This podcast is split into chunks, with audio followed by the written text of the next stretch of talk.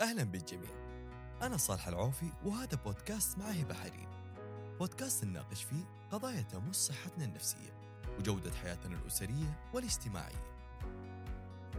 اضطراب ثنائي القطب هو اضطراب في الغالب يتشخص تشخيص خاطئ. يا لأننا نروح للشخص الغير مناسب أو لعدم معرفتنا فيه. في حلقتنا اليوم حكت لنا الدكتورة وعرفت لنا معناه وأنواعه وكيف نتعامل مع المصابين فيه.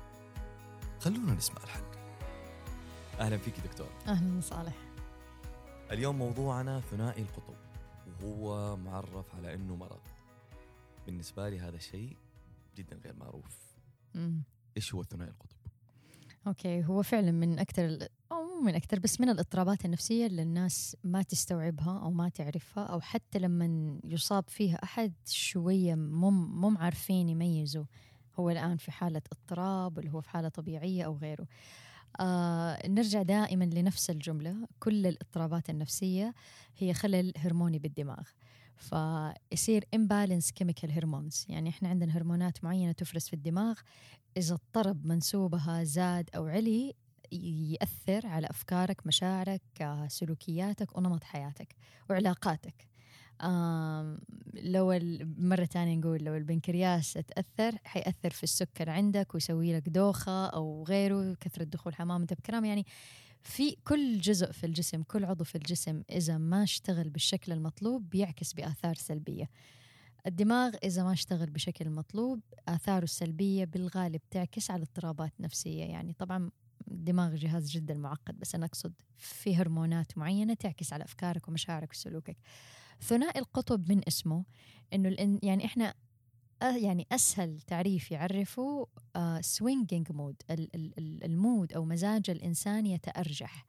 ويصير يعني يروح لل- لل extreme القطب الأول بعدين ال extreme القطب الثاني يعني لل- للقطب ال- الاكتئاب الشديد. بعدين ممكن ينتقل بسرعة لمرحلة الهيجان أو الهوس اللي هي ال manic episode هذه ال manic episode لو جينا ترجمناها آه، أقرب يمكن آه، كلمة لها بالعربي هوس أو الجنون أو غيره. يعني هذه تقريبا أقرب. يعني شيء مو زي آه، إيش اس- اسمه دائما تتردد الكلمة دي اللي هو انفصام.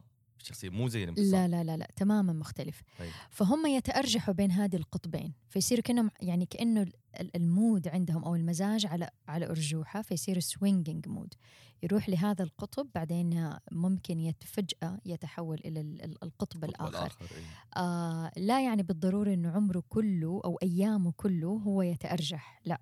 هي تجي آم والآن نحكي أكثر بتفاصيل الأعراض. متى يروح القطب الأول؟ كم يجلس فيه؟ متى يروح القطب الثاني؟ كم يجلس فيه؟ آه وتتباعد ممكن ال- ال- اللي هي الحالات أو الإبيسود اللي يدخل فيها. طب من اللي فهمته منك إنه مختلف ممكن على الأمراض النفسية إنه شيء عقلي يعني شيء يحدث في الدماغ. كل الاضطرابات النفسية تحدث في الدماغ. آه okay. كلها. القلق الاكتئاب الفصام آه، حتى الكرب ما بعد الصدمة. كلها في الأخير في الدماغ. كلها تحصل في الدماغ المشاكل هذه. كلها. okay عشان يعني مو بس مشاعر يعني الموضوع أعمق من مشاعر لأنه أنت لو لو أش يعني لو أشرح لك إيش موجود في يعني لو نجي نشرح في الدماغ الأجزاء اللي فيه أنت عندك أجزاء في الدماغ مثلا ال limbic system ولا ال amygdala هذه مسؤولة عن المشاعر هذه بيت المشاعر. فالمشاعر لها حقيقي منطقة معينة في الدماغ يعني إذا نشطت أو إذا ضعفت تأثر على مشاعرك. ال- ال- ال- الناصية مقدمة الرأسية م- مسؤولة عن الأفكار عندك عن صناعة القرار عن واحد زائد واحد يساوي اثنين كيف تفاضل في الاختيارات مدري كل العمليات العقلية هذه تحدث هنا في مقدمة الرأس. فهي أفكارك موطنها في الدماغ. كيف أنت تشوف الحياة وتحس بطعمها وكذا؟ هذه كلها يعني تدخل يعني كلها في الأخير موطنها في الدماغ.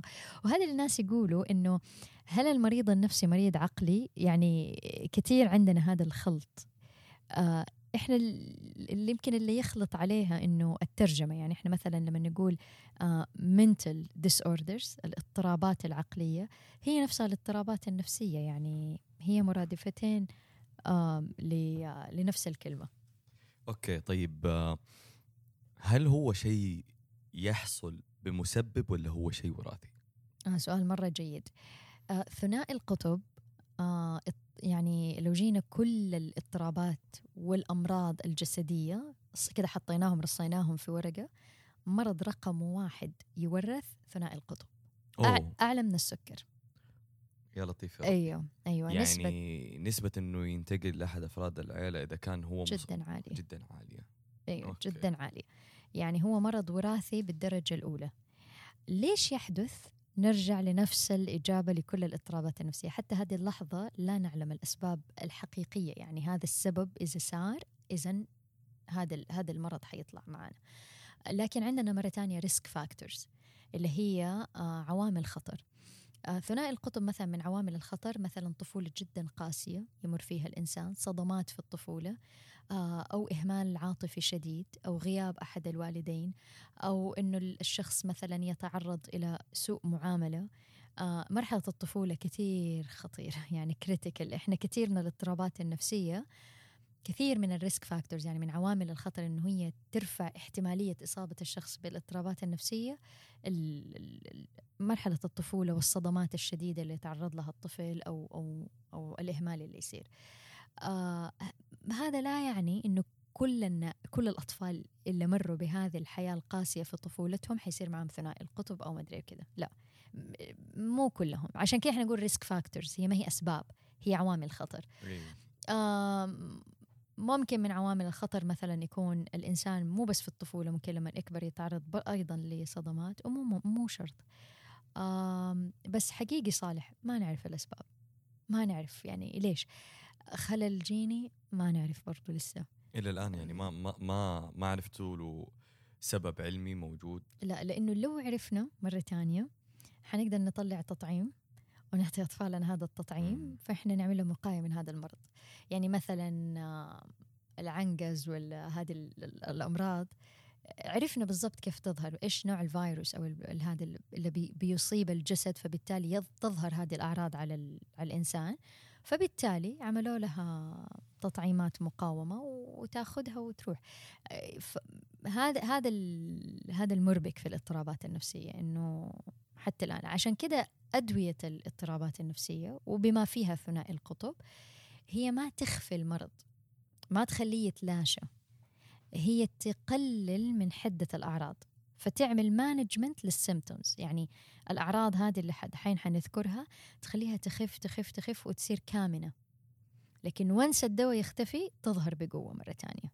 وممكن أقوى مما مما أول ما بدأت. أوكي يعني الدواء فقط يساعد على موازنة خلينا نقول أو آه، موازنة ال- القطبين اللي بالضبط. هم ال- الهوس والاكتئاب. والاكتئاب أوكي. لأنه اللي يصير يا صالح هو مع ثنائي القطب في أنزيمات معينة في الدماغ. إذا ضعفت يدخل الإنسان في حالة اكتئاب.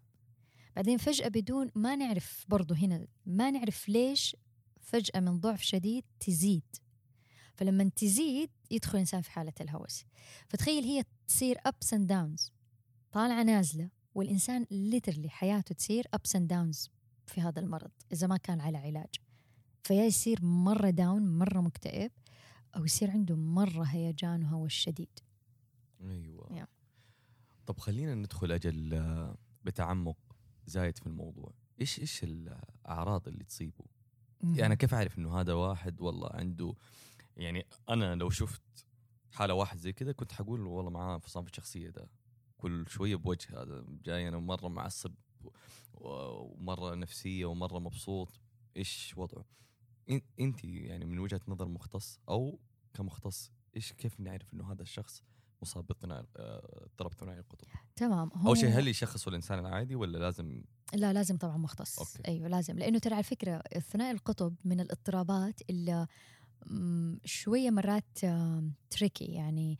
لأنها ممكن تدخل شوية فيه منها ملامح للفصام شوية أيوة. أيوه. الهوس أيوة ممكن بعض الناس من يكونوا يعني ياخذوا medication قوي أدوية علاجية قوية ممكن تطلع لهم بعض من آه، ثنائي القطب آه، بعض اضطرابات الشخصية اللي هي مثلا ال histrionic personality اللي هي ال- الهستيرية آه، في لها ملامح تشبه ملامح آه، ثنائي القطب فهو كده ممكن يختلط على الإنسان. عشان كده مين اللي يفصل في الموضوع ويعطي التشخيص؟ طبعا طبيب نفسي. طبيب. طبيب نفسي أو أخصائي نفسي لا يقل عن درجة ماجستير وعنده خبرة من من العمل في هذا المجال أو في العلاجات. وعادة إحنا نفضل الليات التشخيص طبعا الأكيد الطبيب النفسي. الطبيب أيوه. النفسي. أو يعني معالج نفسي حاصل على درجة دكتوراه لأنه آه، يعني الحين لما نشوف الأعراض شوية ممكن تخب تلخبط. تلخبط الواحد. تلخبط أيوه. بالضبط. طيب نبتدي في الأعراض إيش هي؟ آه وقبل الأعراض وهذه معلومة أنا لاحظت أنه نادرا هنا بالعالم العربي برضو ندركها أنه ثنائي القطب نوعين. إحنا عادة نقول هذا عنده ثنائي القطب بس هو في ثنائي القطب بالإنجليزي bipolar ففي عندنا bipolar 1 و bipolar 2 ففي فرق بينهم. دحين حقول الفرق بينهم. bipolar 2 اللي هو ال- ال- ال- الشخص اللي يصاب بقطبين اللي هو ال depression الاكتئاب وال manic episode اللي هي الهوس. يروح بين القطبين. أوكي. bipolar 1 يكون manic episode هوس. hypomanic episode هوس خفيف و depression يعني في ثلاثة كأنها أقطاب. حقول الفرق الآن بينهم لما أيوة. نقول الأعراض. آه خلينا نروح على موجة الاكتئاب. موجة الاكتئاب يعني هي تسعة هي تسعة أعراض. إذا ظهرت خمسة منها يوميا لمدة أسبوعين فهذا الشخص مصاب باكتئاب. خلاص؟ الأعراض هي حقولها على السريع آه ويمكن فص يعني مفصلينها في حلقة الاكتئاب الاكتئاب، اللي يبي. يعرف بالتفصيل عن الاكتئاب وكيف تفاصيله تظهر في اليوم يرجع لهذيك الحلقة. آه اللي هو ضعف الشهية. أو الإفراط في شهية الأكل. يعني الأكل تتغي يتغير نظامه. مو مو طبيعة الإنسان. يعني مثلا أنت تأكل ثلاثة وجبات في اليوم ممكن تأكل واحدة وجبة في اليوم أو خمسة وجبات في اليوم فالأكل يتغير. النوم يتغير. يصير يا نوم شديد يا قلة في النوم أو أرق أو كل شوية يتقطع نومك. شعور بضعف الثقة بالنفس. فجأة يصير إنسان مو متأكد من نفسه حاسس إنه مو واثق من نفسه مو كفاية مهزوز من جوا مزاج حزين في حزن وطبعا يصحب ذلك تأنيب ضمير آه، جلد للذات آه، شعور بالغم بالهم ومو عارف الإنسان إيش. يعني يعني ما في ذاك السبب الواضح أو في سبب بس السبب ما يؤدي إلى هذا الكم الكبير من هذه المشاعر أو ثقلها. برضو من ضمن الأعراض اللي هو ال irritable mood يعني يصير فجأة الواحد على أقل شيء بيعصب. متنرفز عارف لما يقول لك أنا ماني طايق نفسي يعني تصير جدا حادة آم، أيضا كمان من ضمن الأعراض اللي هو يصير ما عنده طعم لل- للممارسات اليومية اللي يسويها في حياته يعني خلاص lost of interest ما عنده أي رغبة في إنه يمارس أي نشاط كان يحب يسويه أو كان دايما يسويه أو يصير عنده انخفاض في الطاقة ويصير سلو داون يعني مثلا لما يجي يقرأ يقرأ مرة بطيء لما يقوم بأي مهمة تاخذ منه أيام بينما بالعادة كان يسويها في ساعات مثلا أو بسرعة. فهذه الأعراض إذا خمسة منها ظهرت يوميا لمدة خ... أسبوعين كاملة هذه موجة اكتئاب. بالعادة يخرجوا من هذه الموجة ويدخلوا على موجة ال manic episode اللي هي الهوس. آه هذه ال- ال- الأعراض عادة يعني إذا ظهرت في أسبوع مو بالضرورة تظهر في أسبوعين إذا ظهرت في أسبوع معناته هذا دخل على القطب الثاني. آه طبعا اللي يميزها إنه اختلاف شديد في المزاج يعني يصير المزاج غير عادي وحاد ومرتفع. يعني مثلا في ناس مزاجهم دائما يضحكوا ويمزح لا دي المرة يصير مرة يمزح بزيادة مرة حاد. مثلا واحد عصبي بس تصير عصبيته مو طبيعية يعني abnormal على على حالته. أيوه. آه أوكي أوكي. يعني مو شرط بس عصبية. آه لا. أوكي. المزاج يصير مو طبيعي. المزاج مو طبيعي. مزاجه مو طبيعي. هذه الأعراض دحين أنا حقول سبعة منها إذا ظهرت ثلاثة لمدة أسبوع معناته هذه حالة ال- ال- الهوس. ال- ال- الحالة العرض الأول الشعور بالعظمة. وهذه طبعا نشوفها في أشكال كتير تلاقيه مثلا يتكلم عن نفسه في العمل إنه هو أحسن واحد. مثلا أو هو في العائلة هو أكتر واحد يفهم. وهو اللي سوى فرحه بأحسن طريقة هو اللي اشترى الشيء الفلاني بأفضل طريقة وكل الناس هبل كل الناس ما يفهموا أو كل الناس ما يفهم ففي شعور كده بال- بالفوقية بالعظمة. ما هي طبيعته. ممكن يكون كده طبعه في الأيام العادية بس مرة تكون يعني زايد معيارها. آه النوم ينخفض بشكل شديد جدا ممكن يناموا ثلاثة أربع ساعات في اليوم وكأنه نايم عشر ساعات. يعني نايم ثلاث ساعات بس عنده انرجي وطاقة في بقية اليوم وكأنه نايم كويس. وهذه مرة عرض مهم لأنه في ناس نومها قليل بس خلاص ممكن تجلس اليوم آخر اليوم خلاص تنعس. ممكن عادي يجلسوا ثلاثة أربع أيام وهم مو نايمين غير ساعتين ساعتين ساعتين كل يوم في الليل. ومستمر الطاقة عندهم عالية. أو إنه آه كمان من ضمن الأشياء يصير عندهم تصارع في الأفكار وتلاحظها في كلامهم. يعني يجيب أفكار كثير يجيب مشاعر. على فكرة ترى مرة يزيد الإبداع عندهم جدا. يعني كثير من الفنانين والمشاهير والناس اللي أبدعوا ترى أبدعوا في لحظة ال manic episode يعني لحظة أوكي الهوس. يعني آه، هم أشخاص يقدروا يتعايشوا ويقدروا يعيشوا حياتهم. طبعا هي تجيهم يعني نشوة عجيبة في الحياة. يعني هو يشعر إن هي نشوة عجيبة في الحياة. الطرف الآخر اللي حوالينه يحس إنه في شيء مو طبيعي. يعني عادي ممكن يعني مثلا في رواية جدا جميلة اسمها عقل غير هادئ ومترجمة موجودة في المكتبات العربية. هي طبيبة مصابة ب- آه، بثنائي القطب. فتقول الأيام اللي تدخل فيها في المانيك إبيسود حالات الهوس تكتب كمية أبحاث مو طبيعية. وتطلع في بالها أفكار ومشاريع فيصير في صراع في الأفكار وأفكار كتير تطلع. فليش؟ لأنه سبحان الله يا صالح تصير عندهم يعني تخيل من اكتئاب شديد حاد يصيروا مرة داون فجأة يصيروا أب مرة بقوة مرتفعين تماما في المزاج. وبرضه من الأعراض ممكن يصير عندهم تشتت. ون- ونلاحظها مثلا إنه هو يتكلم في مشروع بعدين بيتكلم في شيء بعدين في شيء. ففي تشتت يعني تحس ما قال أفكاره بشكل كامله أو ما قال الهرجة بشكل كامل. أو ما خلصها. طيب آه، جميل. أنا كنت احسب انهم بس يكون معصب وهذا لا ممكن إنه يكون مزاجه مزاج زي ما يقولوا عالي هذا. جدا يكون أي. رايق لدرجة جدا كبيرة. آه هذا ال- اللي إحنا قلنا اللي هو الايه الم- ال manic اللي هو الهوس. الهوس أوكي. باقي من الأعراض كمان يصير كلامهم مرة كتير. وصوتهم عالي ويتكلموا مرة بسرعة. وهذه برضو مرة تانية في الأيام العادية مو من طبعهم. فيعني مثلا أذكر أم كانت تقول أعرف بنتي لما تجيها حالة ال manic إنه يبدأ يصير صوتها عالي. يعني إحنا في آخر البيت وهي في أول البيت نسمع صوتها. فيبدأ يصير نبرة الصوت عالية. الكلام يصير كتير. مرة تانية الكلام مشتت. يخبصوا مثلا بالكلام يجيبوا كلام كتير آم ما يفرملوا.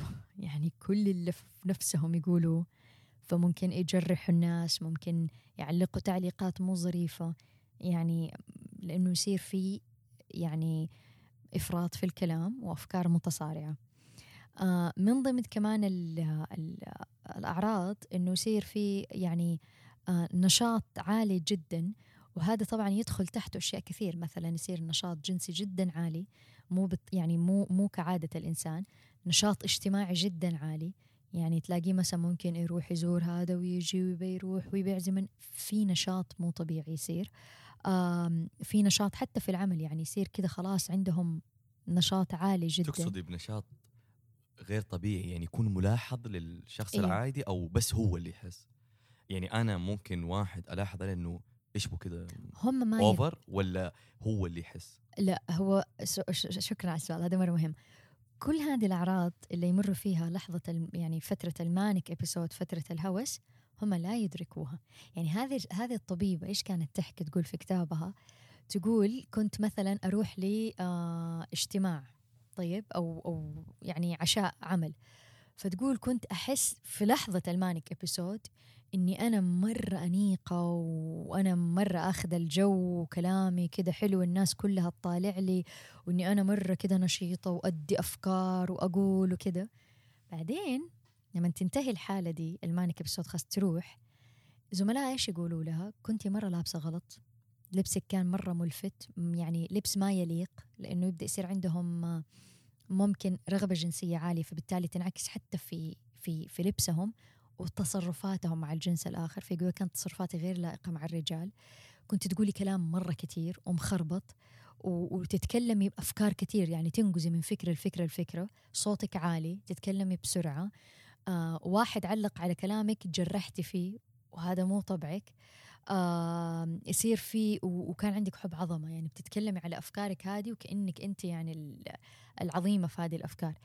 هي ما كانت شايفتها كده. هي كانت تدركها أنه واو يعني أنا أنا كنت جيدة مرة. ف وهذه مهم فمين اللي يشوف هذه الأعراض؟ الطرف الآخر. الطرف الآخر مو هو نفس الشخص. عشان كذا دائما نقول لأهالي ال- الأشخاص المصابين بهذه بثنائي القطب لما يدخلوا في ال manic episode حالة الهوس مرة صعب على اللي قدامه لأنك حتتجرح بالكلام حتسمع كلام يوجع. من ضمن الأعراض يصالح كمان الهوس الشرائي. يصير في صرف في الفلوس مو طبيعي. يعني عادي ممكن يحط راتبه كله في شيء ويصير هوس شرائي للآخر.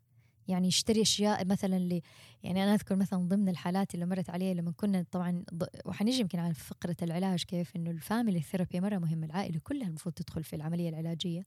طبعا لأنهم هم اللي حيكونوا محيطين فيه. وبيتضرروا مساكين. يعني ممكن يعني صعب يعني فك- مو اي احد حيقدر يقدر الموضوع. بالضبط فهي كانت واحدة يعني أتذكر كانت عميلة عندنا في المركز بنتها كان عمرها 17 سنة تقول أحب أمي لما تدخل في ال manic episode في الهوس تقول إن كل شيء أبغى أشتريه تشتري لي هو. فيصير عندهم إفراط في صرف الفلوس بدون ما يفكروا بدون ما يفرملوا أو أو يراجعوا حساباتهم. عشان كده دائما تلاقيهم مديونين آه، ما تجلس فلوس في يدهم أو غيره.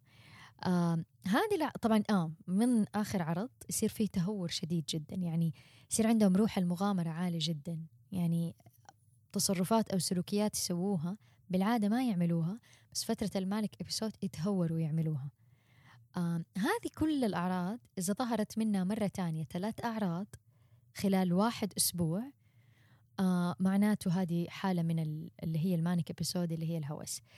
توصل هذه الأعراض من حدتها وشدتها إنه الشخص يبدأ يصير خطير ولا يمكن التحكم فيه. فبالتالي نحتاج إنه إحنا ننومه في المستشفى. We need to hospitalize them. طب. إذا احتاجت الحالة للتنويم في المستشفى معناته هذا هو bipolar 1 ف يعني لو جينا اختصرنا bipolar 1 هو يمر في حالة ال- ال manic episode هذه الشديدة ثلاثة إذا مرت ثلاثة أعراض في أسبوع واحد. و- وممكن يدخل على موجة ما هي مرة manic episode hypomanic episode يعني هوس خفيفة ما تكون شديدة فما تحتاج إلى تنويم في المستشفى أو ال depression فهذه الثلاثة ال... ال... يعني الحالات إذا مر فيها هذا يعتبر bipolar 1 تمام. آه bipolar 2 يعني أخف. يدخل في في موجتين. اكتئاب حاد depression و hypomanic اللي هو هو ال- الهوس الخفيف. خفيف okay. طب كده ما شاء الله عشان دخلنا في حاجات كتير. تلخيص بسيط كده ال bipolar 1 قبل ما ندخل في ال bipolar 2 الأول إنه يدخل في حالة من ال- المزاجية اللي هي ال swinging mood okay. اكتئاب حاد جنون أو هوس خفيف أو هوس حاد. okay. بين الثلاثة بين الثلاثه فهو ممكن يدخل في حالة اكتئاب بعدين يدخل على حالة هوس ولكن خفيفة ما يصل إلى مرحلة الخطورة وننومه في المستشفى. okay.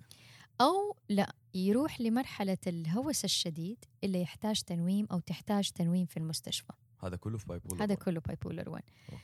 آه فهي تجيهم موجات يعني مثلا بعض يقول والله مو كل ما جاته موجات الهوس ودينا المستشفى. في أيام تجيله الأعراض العظمة وصرف الفلوس وكده بس ما يوصل لمرحلة أضطر أوديه المستشفى. تجيهم الموجة خفيفة. فهذه حنسميها hypomanic episode اللي هي الموجة الموجة الخفيفة. الخفيفة. بالضبط. bipolar 2 هنا ندخل على ال bipolar 2 نفس الأعراض بس ما في الهوس الحاد. نفس الأعراض نفسه. حقتها اكتئاب شديد ويتنقل بعدين لهوس ولكن هوس خفيف ما يصل إلى مرحلة الخطورة الشديدة اللي نحتاج ننوم في إيش المستشفى تقصدي بكلمة خطوره؟ هل يكون يقدر يأذي؟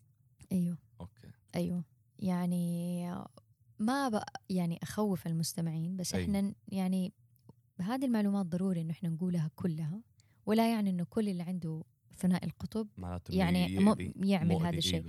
بس في حالات وصلت لما وصلت لل hypo لل- عفوا لل manic episode مرحلة الهوس الشديد آه ارتكبت جرائم قتل في أهلها.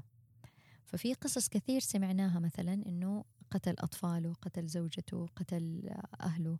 ففي في حالات صارت مرة تانية لا يعني كل اللي عنده ثنائي القطب إنه هو خطير لدرجة إنه يتحول قاتل. إحنا بنتكلم يعني لما بنتكلم عن المرض فبنتكلم بطريقة علمية محايدة. أننا. نذكر الأسوأ والعادي والأبسط يعني بس عشان أوضح يعني.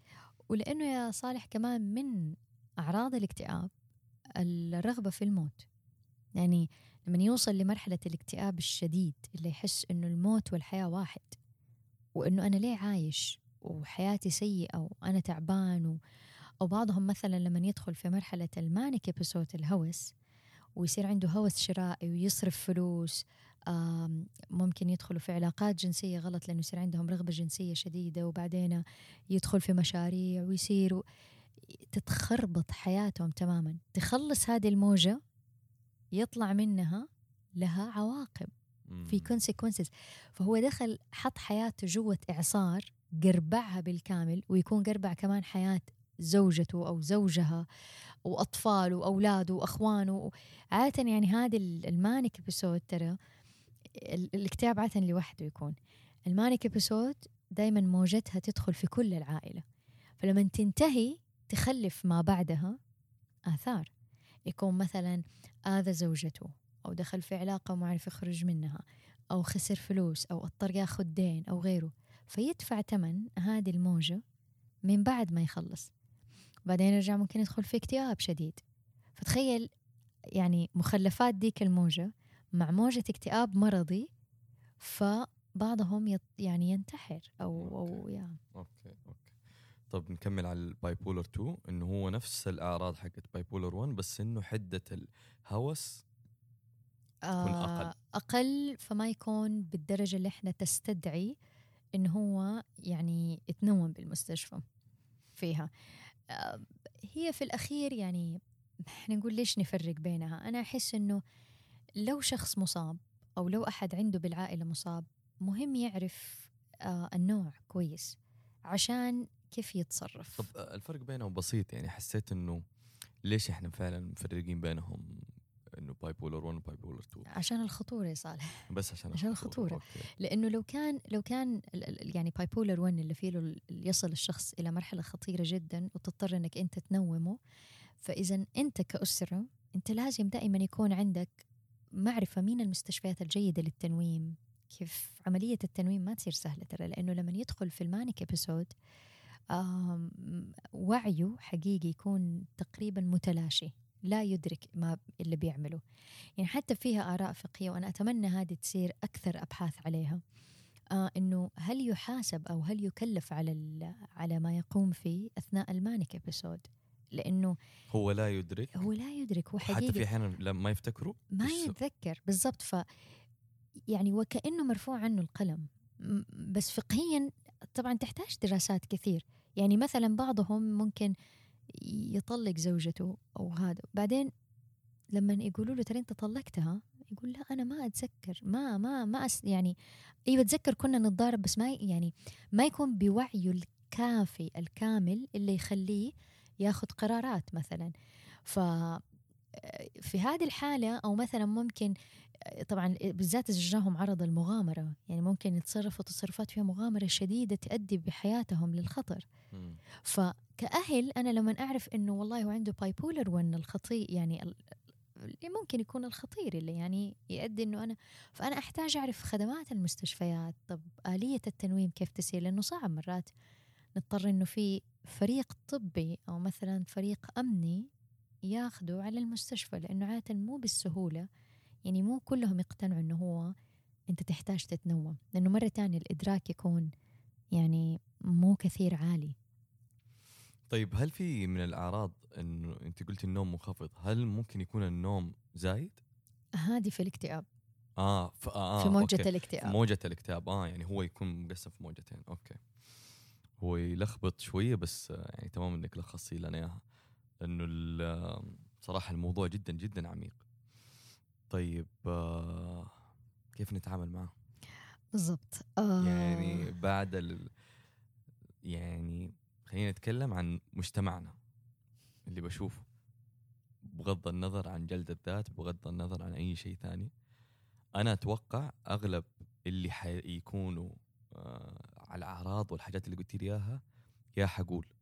إذا كنت مثقف حقول والله عنده انفصام في الشخصية. إذا كنت متشبع بالقصص ال- الشعبية وال أو الدنيوية خلينا نقول أو إيه. المجتمعية حقول والله هذا في له جني وراكبه الجني ويتكلم الجني هذا دخل في موسوسه الهوس حقول والله الجني جاله. الاكتئاب الحمد لله رجع طبيعي. ودامك تقولي إنه حاد الموضوع. أنا كيف أتعامل معه؟ هذا لازم له تثقيف فعلا زي ما أنت قلتي العيلة كاملة تتثقف لأنه. مو لحاله. هل أنا يعني لا سمح الله لو عندي ابن قريب هل أنا أقدر أخليه يتعامل مع الناس؟ آه، إيش الطريقة آه هو يعني اولا اولا وأنا أتمنى أتمنى من كل قلبي إنه كل المجتمع يكون واعي بهذا الاضطراب يكون فاهم طبيعته ويعرف إنه هذا الشخص ما جابها لنفسه. مو هو اختار يكون يعني مصاب بهذا الاضطراب.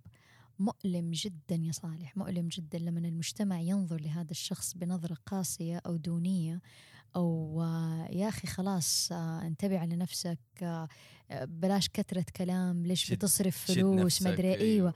وكأنه هو خلق هذه الأعراض لنفسه. مرة تانية نقول هي أعراض خارجة عن إرادة الإنسان. أنت لما تصاب الله لا يقدر بعد الشر بربو أو بأزمة تنفس أو كذا أنت ما خلقتها لنفسك. أوكي ممكن تكون خلينا نقول عندك استعداد جيني وراثي مثلا العائلة عندها اضطرابات خ- خلينا نقول العائلة مثلا فيها أمراض تنفس. طيب فخلاص أنت عارف إنك أنت لا تروح محل فيه غبرة عشان أنت لا تعرض نفسك. هذه نفهمها هنا اللوم لكن لو الواحد أصيب بهذا الاضطراب أول شيء لازم المجتمع يعرف ويدرك تماما إنه الشخص ترى ما اختار هذا الشيء لنفسه. هذا ابتلاء من الله. أيوه. هذا هذا مرض أصيب فيه. في أنزيمات في دماغه ما بتشتغل زي ما بتشتغل عندي وعندك بكل بساطة. وأنا ممكن في يوم من الأيام هذه ال chemical hormones تتخربط عندي وأصاب بهذا الاضطراب. آه okay. يعني مو مو شرط إنه أنا انولد فيه يعني ممكن أنا في نص عمري كذا ما نعرف عشان ما نعرف آه الأسباب. okay. ما نعرف الأسباب. فهذا واحد اولا إحنا كمجتمع لابد تصير نظرتنا أكثر رحمة وتعاطف وإنصاف لهدول الناس. هذا أول شيء. لأنه لو لو أنا شخص مصابه بثنائي القطب والمجتمع فاهم طبيعة مرضي وعارف إنه هذا شيء مو باختياري أنا نفسيا أرتاح. أنا على الأقل ما أخبي أو ما أخجل أو ما أكره نفسي.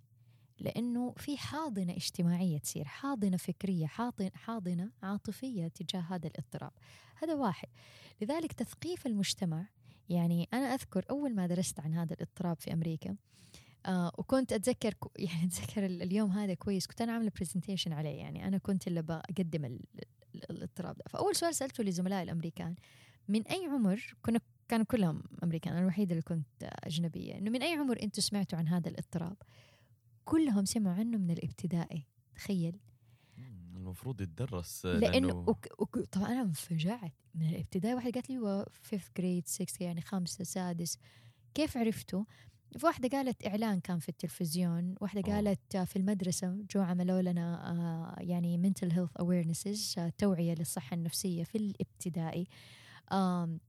في واحدة قالت قصة أطفال. كانت في قصة مكتوبة لأطفال إنه وهذا أم عندها ثنائي فبي- يعني من خلال القصص حقت الأطفال يبينوا. أنا مرة زعلت على نفسي أنا ما عرفت إلا لأنه يعني شخص أصيب في عائلتي وأنا كنت كبيرة.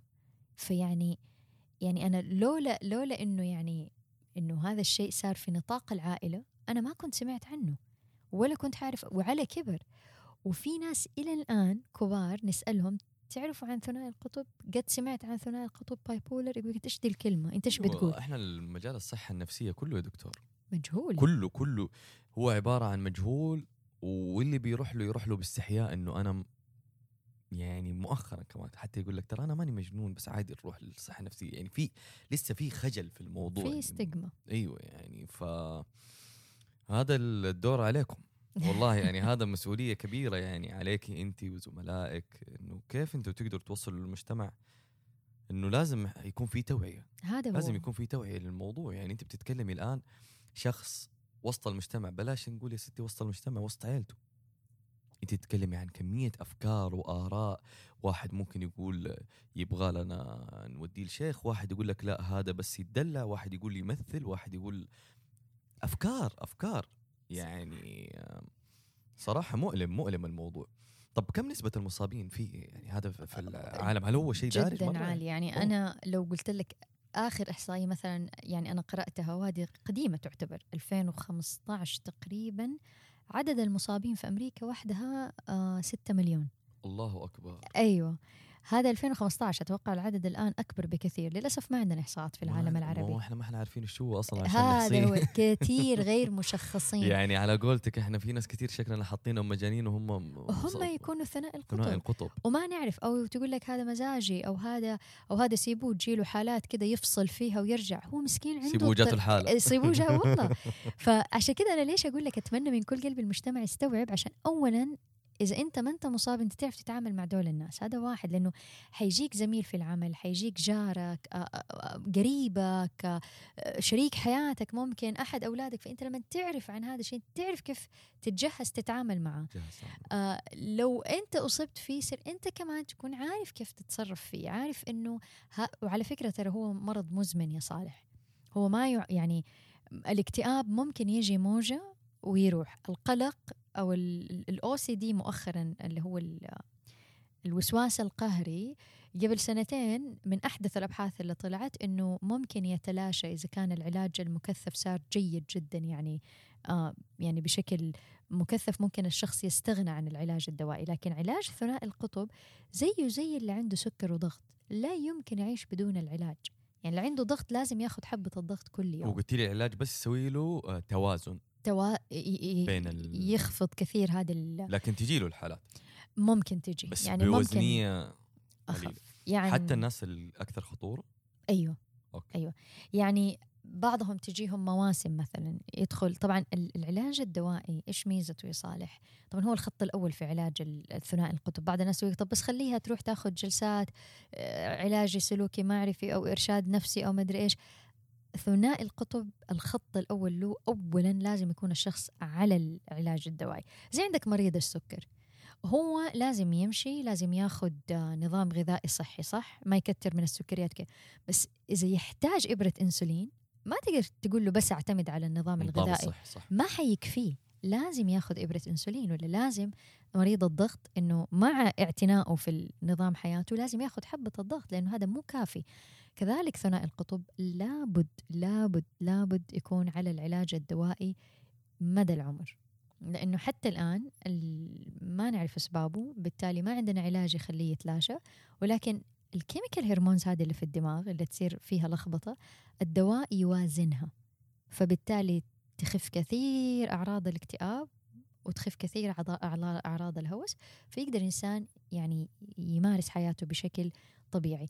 على فكرة لا يعني إصابته وهذه هذه أنا كنت كثير أحكيها مع طالباتي مثلا في مادة علم النفس المهني إنه المصاب ثنائي ال- ال- القطب أو ال bipolar لا يعني إنه هو لا ما عنده أهلية للزواج أو لسه للعمل أو كذا. يعني هذا يقدر يعيش في الحياة العادية. أحد رؤساء أمريكا أنا ناسي دحين ما يحضرني اسمه كان عنده ثنائي القطب.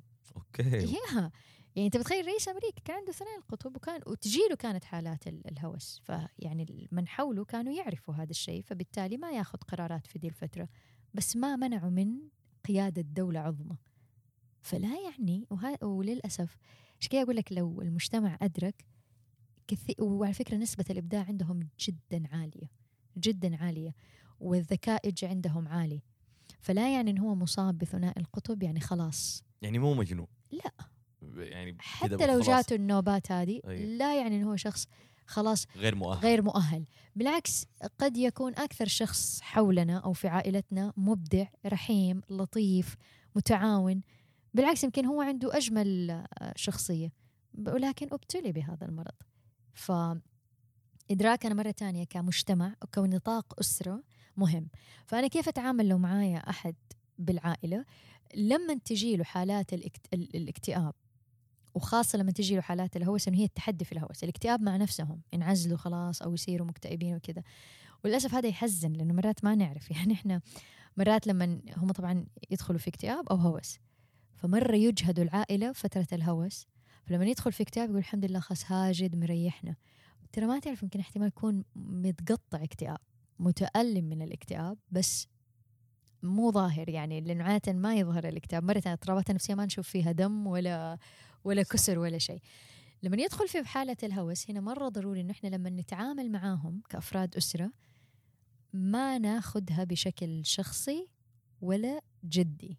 بمعنى لما يقول كلام كتير لما يجرح في الكلام لما يصير عنده نشاط زايد فرط في صرف الفلوس مدريش لا تتعامل معاه وكأنه إنسان بكامل وعيه زي أيامه العادية. تزعل منه تعاتبه آه تقول إيش بك أنت بتكتر كلام علي؟ أنت ليه تجرحني؟ هو لا يدرك ما يقوم فيه. فدورك الآن احتواء هذه الأعراض وأتأكد إنه هو بياخذ أدويته كويس ما خبص فيها لأنه يوجولي يكره العلاج الدوائي. إيوه إحنا ما تعمقنا في كيف نتعامل معه. فعلا كيف نتعامل معه؟ فلما تجي له هذه الحالة حاول كويس إنه أنت تتأكد بياخذ أدويته كويس ولا لا. وعادة عادة إحنا ننصح. يعني حتى في كاتبة يعني في معروفة عندنا آه، أمل الحرب إن شاء الله أكون قايلة الاسم صح. أنا أرفع لها قبعة التحية. انسانه رائعة جدا في إن هي تشارك المجتمع معاناتها في ثنائي القطب. تحكي عنها بكل شفافية. ومن ضمن الأشياء اللي قالتها وأنا يعني أنا أحس كلمتها يعني أثرها أهم من أثر كلمتي أنا كمختص. كانت تقول لا تخلوهم ياخذوا أدويتهم بنفسهم. يعني هي مثلا موكلة الأدوية لأحد من أفراد أسرتها لأنه مرة تانية أحد ما بدي أقول أحد الأعراض لكن أحد الفيتشر ملامح هذا أو أحد صفات الشخص اللي يكون عنده ثنائي القطب إنه يكره الدواء وما يبى ياخده. فيصير في تحدي كبير. وإذا ما أخذ الدواء ينتكس وترجع الموجة حقت الخاصة الهوس بشكل أحد وأشد من أول. فمهم أنا كفرد من الأسرة إني أنا أتولى موضوع الدواء. حتى لو كان كبير وناضج. إحنا نقول خلاص معليش بس هو يحتاج إلى هذا الدعم أو هي تحتاج إلى هذا الدعم إنك أنت تتولى موضوع الدواء تتأكد إنه أخذه في الوقت. هذه أدوية جدا حساسة يا صالح. يعني مثلا لو تأخذها كل يوم العصر ما ينفع يوم تأخذها العصر ويوم الصبح ويوم الليل. الخربطة في التوقيت تخربط كيان الدماغ بالكامل. يا لطيف فتجي مرة تانية الحالات. فكعائلة لا نأخذ الأعراض بشكل شخصي. قدم الدعم بكل أشكاله.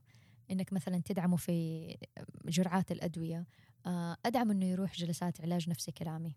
هذه مهمة. ليش؟ لأنه يا صالح لما يعني مجرد إنك أنت تعرف إنك أنت مصاب بهذا الاضطراب ما هو سهل ترى.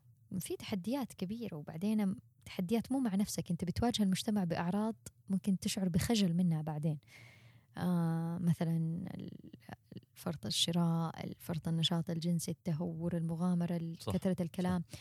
فأنت بعد هذه المواجهة تخلف عليك آثار نفسية. فمين يساعدك فيها؟ مو الدوائي مو العلاج الدوائي العلاج الكلامي.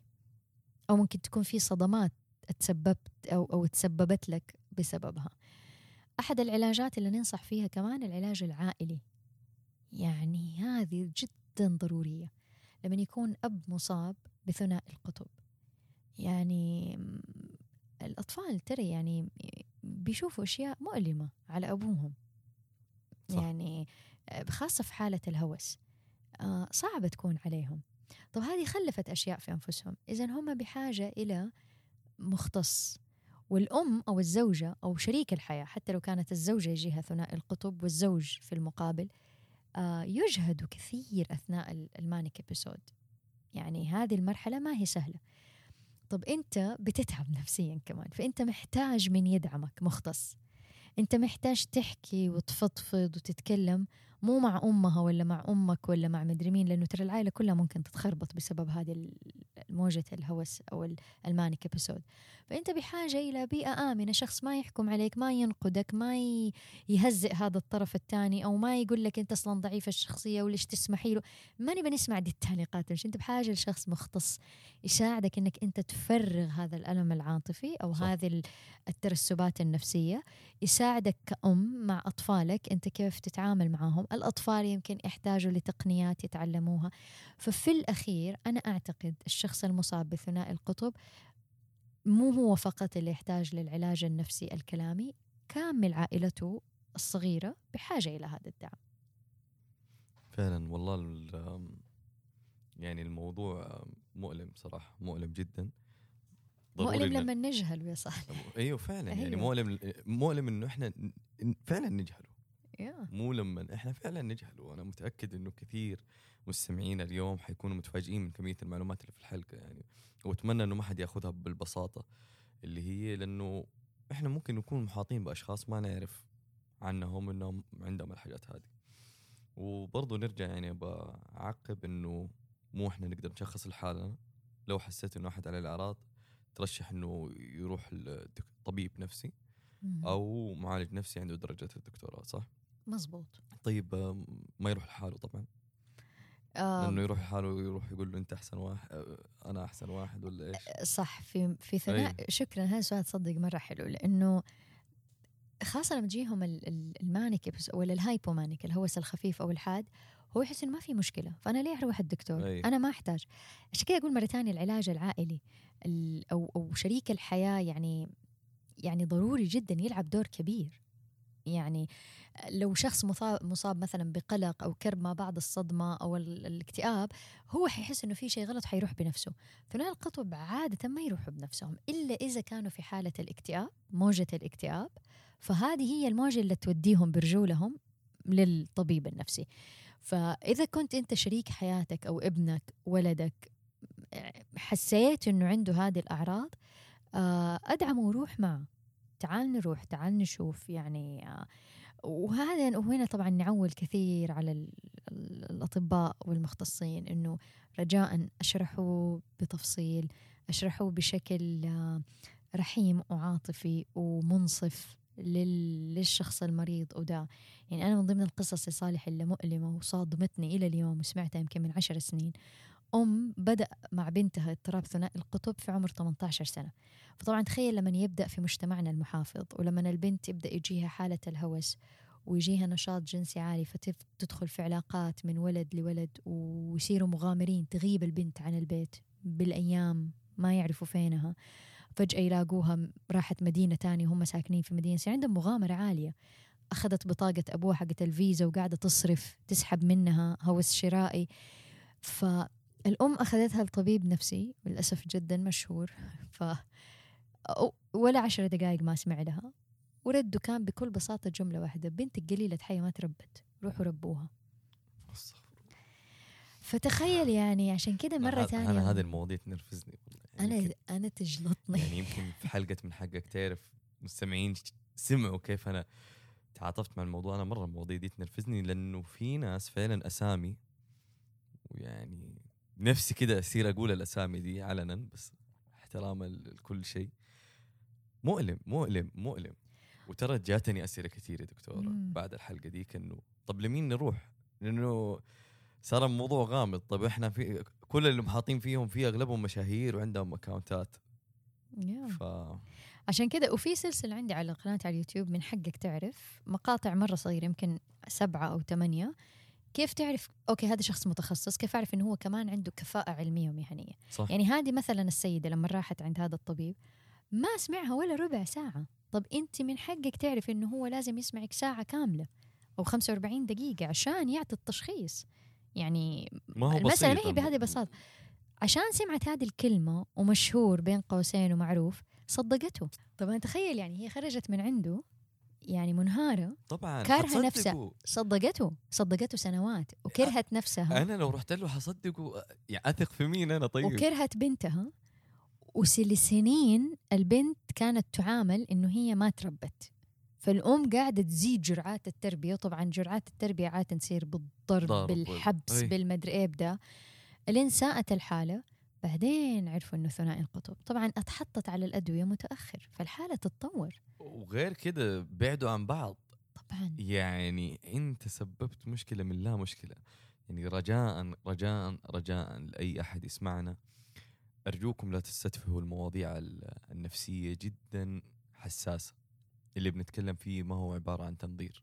يعني ناس أفنوا نفسهم في الدراسة عشان يعرفوا عن مرض معين أو عن تشخيص معين مو شخص عادي أو شخص طيب في العيلة أو شخص مثقف أو شخص نثق في رأيه هو مؤهل إنه يعالج أو يشخص حتى. صح. ما هو وكيل مدرسة ما هو جدتي الطيبة ما هو عمتي آه، المدرسة ما- هو أي حاجة من كذا.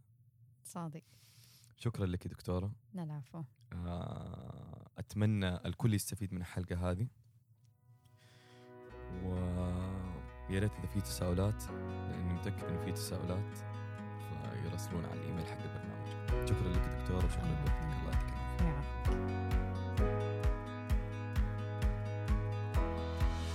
شكرا للجميع. يا ريت تشاركونا آرائكم واقتراحاتكم في الإيميل الخاص بالبرنامج with.hiba.hariri@gmail.com وحتلاقوا الإيميل مكتوب في الوصف حق البرنامج.